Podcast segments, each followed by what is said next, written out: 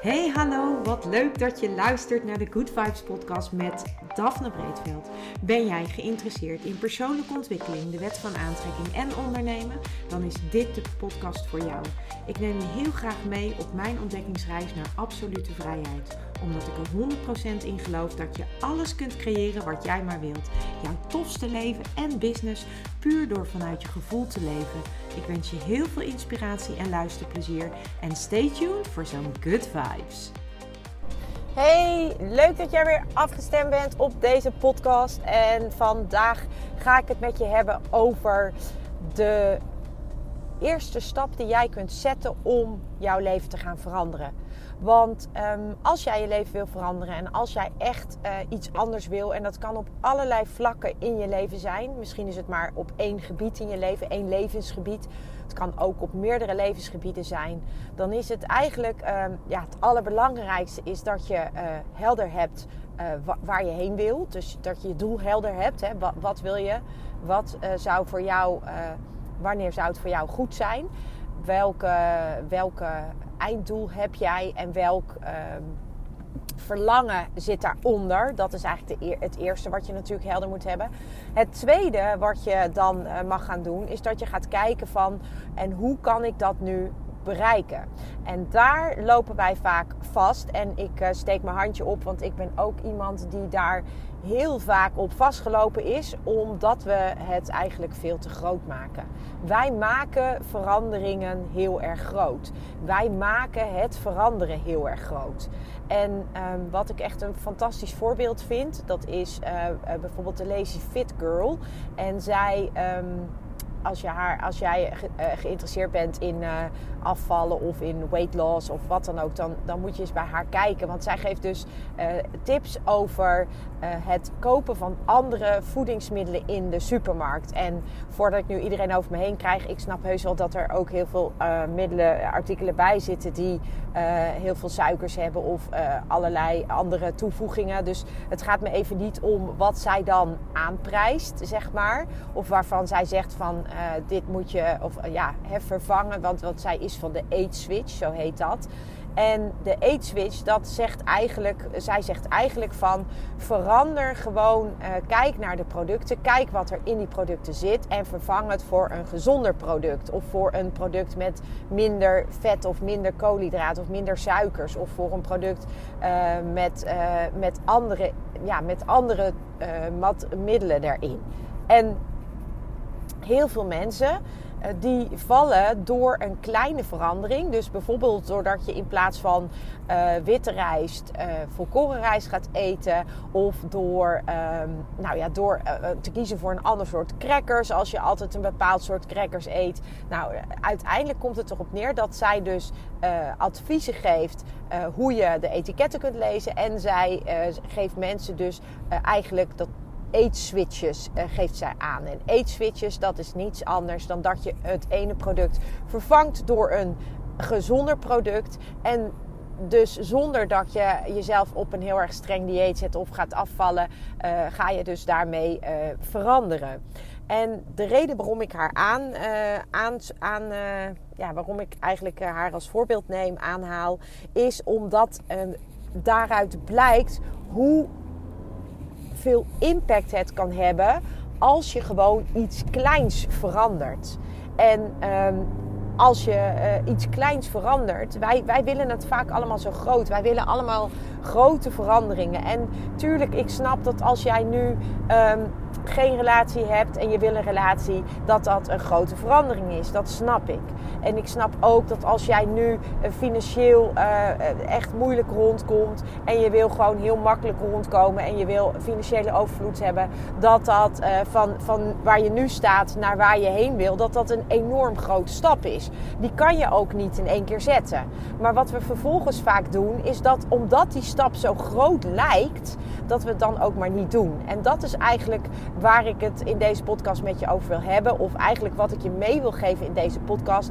Dat je hoeft dus niet enorm grote stappen te zetten om een verandering in gang te zetten. Want vaak maakt het dat op het moment dat je de eerste stap zet, ook al is dat een hele kleine stap, dan uh, voor je het weet heb je ook de tweede stap en de derde stap en de honderdste stap gezet. En dan zul je zien dat als je dan alles uh, bij elkaar optelt, is dat ook een hele grote stap of een hele grote verandering. Dus um, dat is eigenlijk wat ik je mee wil geven voor vandaag. Um, dus ik hou hem eigenlijk ook gewoon lekker kort. Ik wil je eigenlijk meegeven, wat zou jij willen veranderen? En welke stap zou je dan vandaag kunnen zetten om daarmee te beginnen? En als ik bijvoorbeeld een voorbeeld neem van mezelf. Ik drink veel te veel koffie. En um, ik betrap mezelf erop dat ik uh, vaak als ik koffie drink, dat ik het eigenlijk drink uit gewoonte. En dat ik het eigenlijk uh, ook niet altijd eens meer lekker vind. Maar ik drink het wel. Dus op het moment dat iemand mij vraagt wat wil je drinken, zeg ik, oh doe maar koffie. En ik ben ook regelmatig voor mijn kwaliteitsmanagement werkzaamheden bij klanten. En die vragen mij dan wat wil je drinken. En dan zeg ik, ja doe maar koffie. Dus, um, en ook uh, thuis, ik, ik heb, wij hebben zo'n bonenapparaat. En ja, het is gewoon een druk op de knop en er komt een, een bakje koffie uit. En ja, er zit er gewoon bepaald gemak in om dat te doen. Terwijl ik ook weet en um, ook dat, uh, dat voor mezelf helder heb, dat ik echt minder koffie moet gaan drinken. En het is me een hele tijd gelukt. Ik heb zelfs ook op een gegeven moment een hele tijd geen koffie gedronken. En ik, ik zal je eerlijk zeggen, het eerste weekend, ik besloot dat te doen uh, in een weekend. En het eerste weekend heb ik gewoon uh, echt uh, barstende koppijn gehad. Dus het zegt wel wat, wat die koffie eigenlijk doet en, en wat, wat de impact van die koffie is. En daarmee is het ook gelijk goed om daar dus weer mee te stoppen. Dus ook hier geldt weer de waarom. Waarom wil je dat? Hè? Het verlangen. Het verlangen is dan stoppen met koffie of minder koffie drinken. Maar waarom wil ik dat dan? Waarom? Wat is die waarom? En dat is eigenlijk het verlangen achter het verlangen. En daar, dat is eigenlijk altijd een emotie.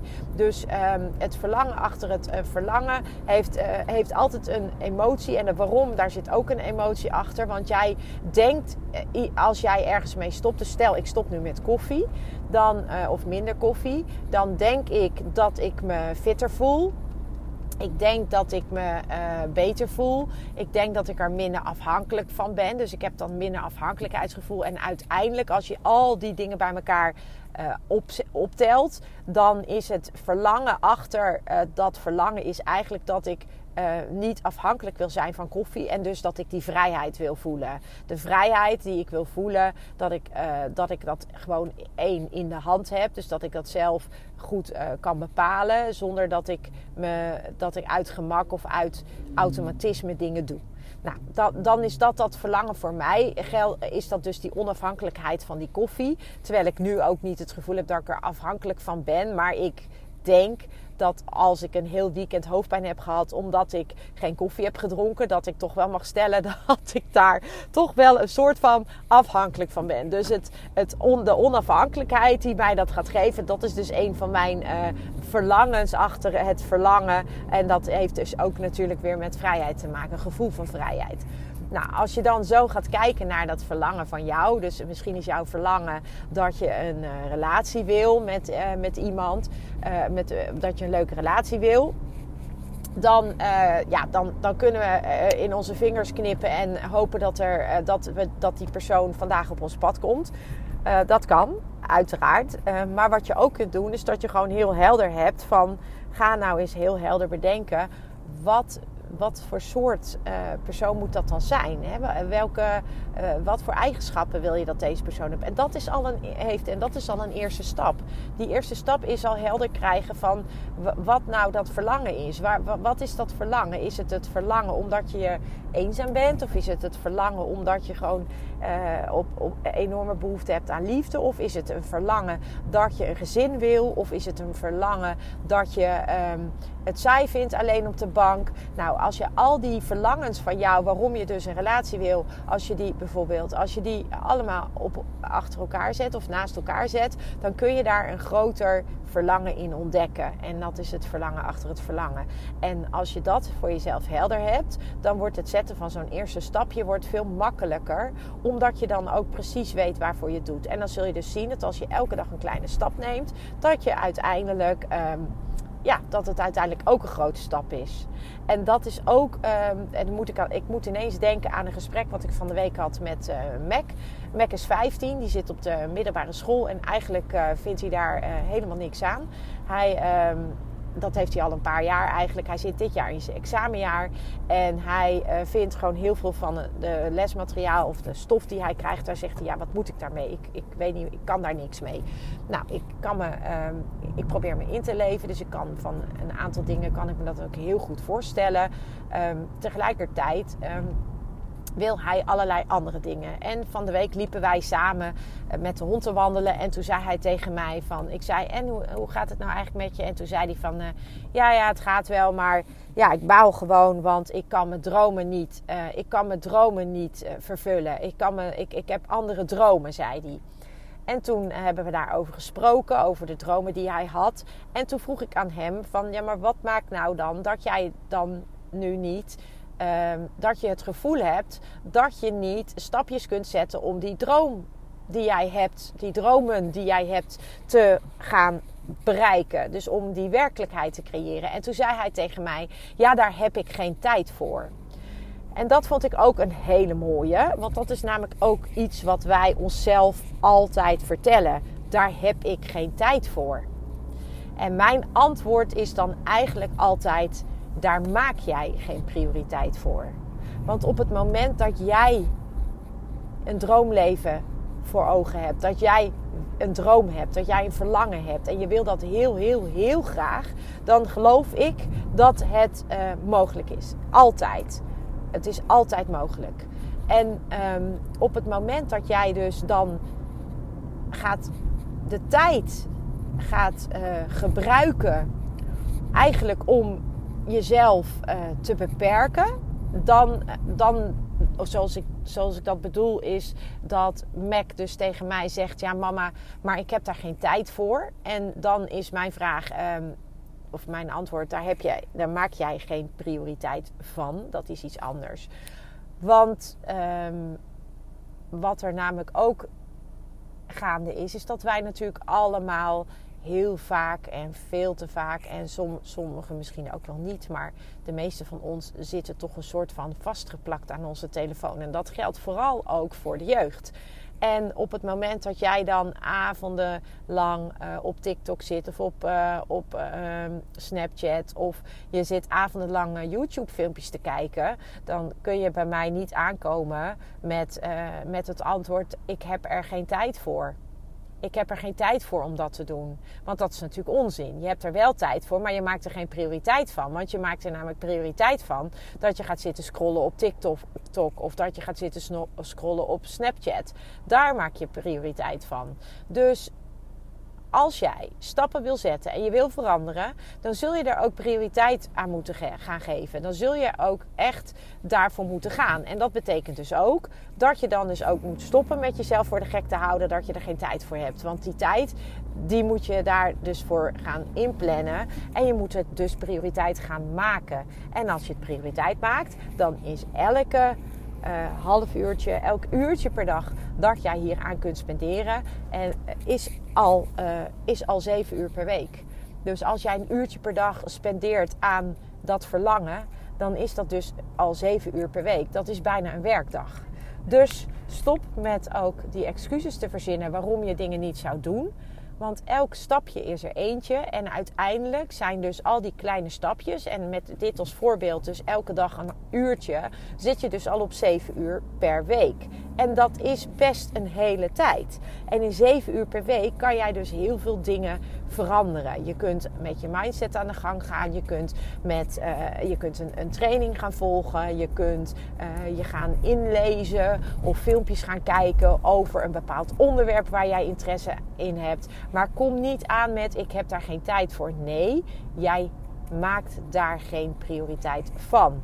Dus um, ja, dat is eigenlijk waar ik mee wilde eindigen. Dus helder verlangen, En uh, maak het niet te groot, die stappen. Want dan, dan, gaat het, uh, dan ga je jezelf als het ware blokkeren vaak of tegenhouden. Omdat het een te grote stap is. Dus hak die grote stap in hele kleine stapjes. En in heel klein stapje kan al zijn dat je de telefoon oppakt en iemand belt. Dat is ook al een stapje.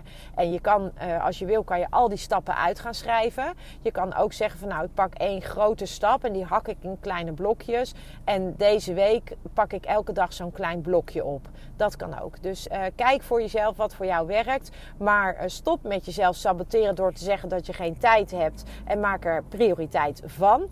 En um, maak de stappen dus kleiner.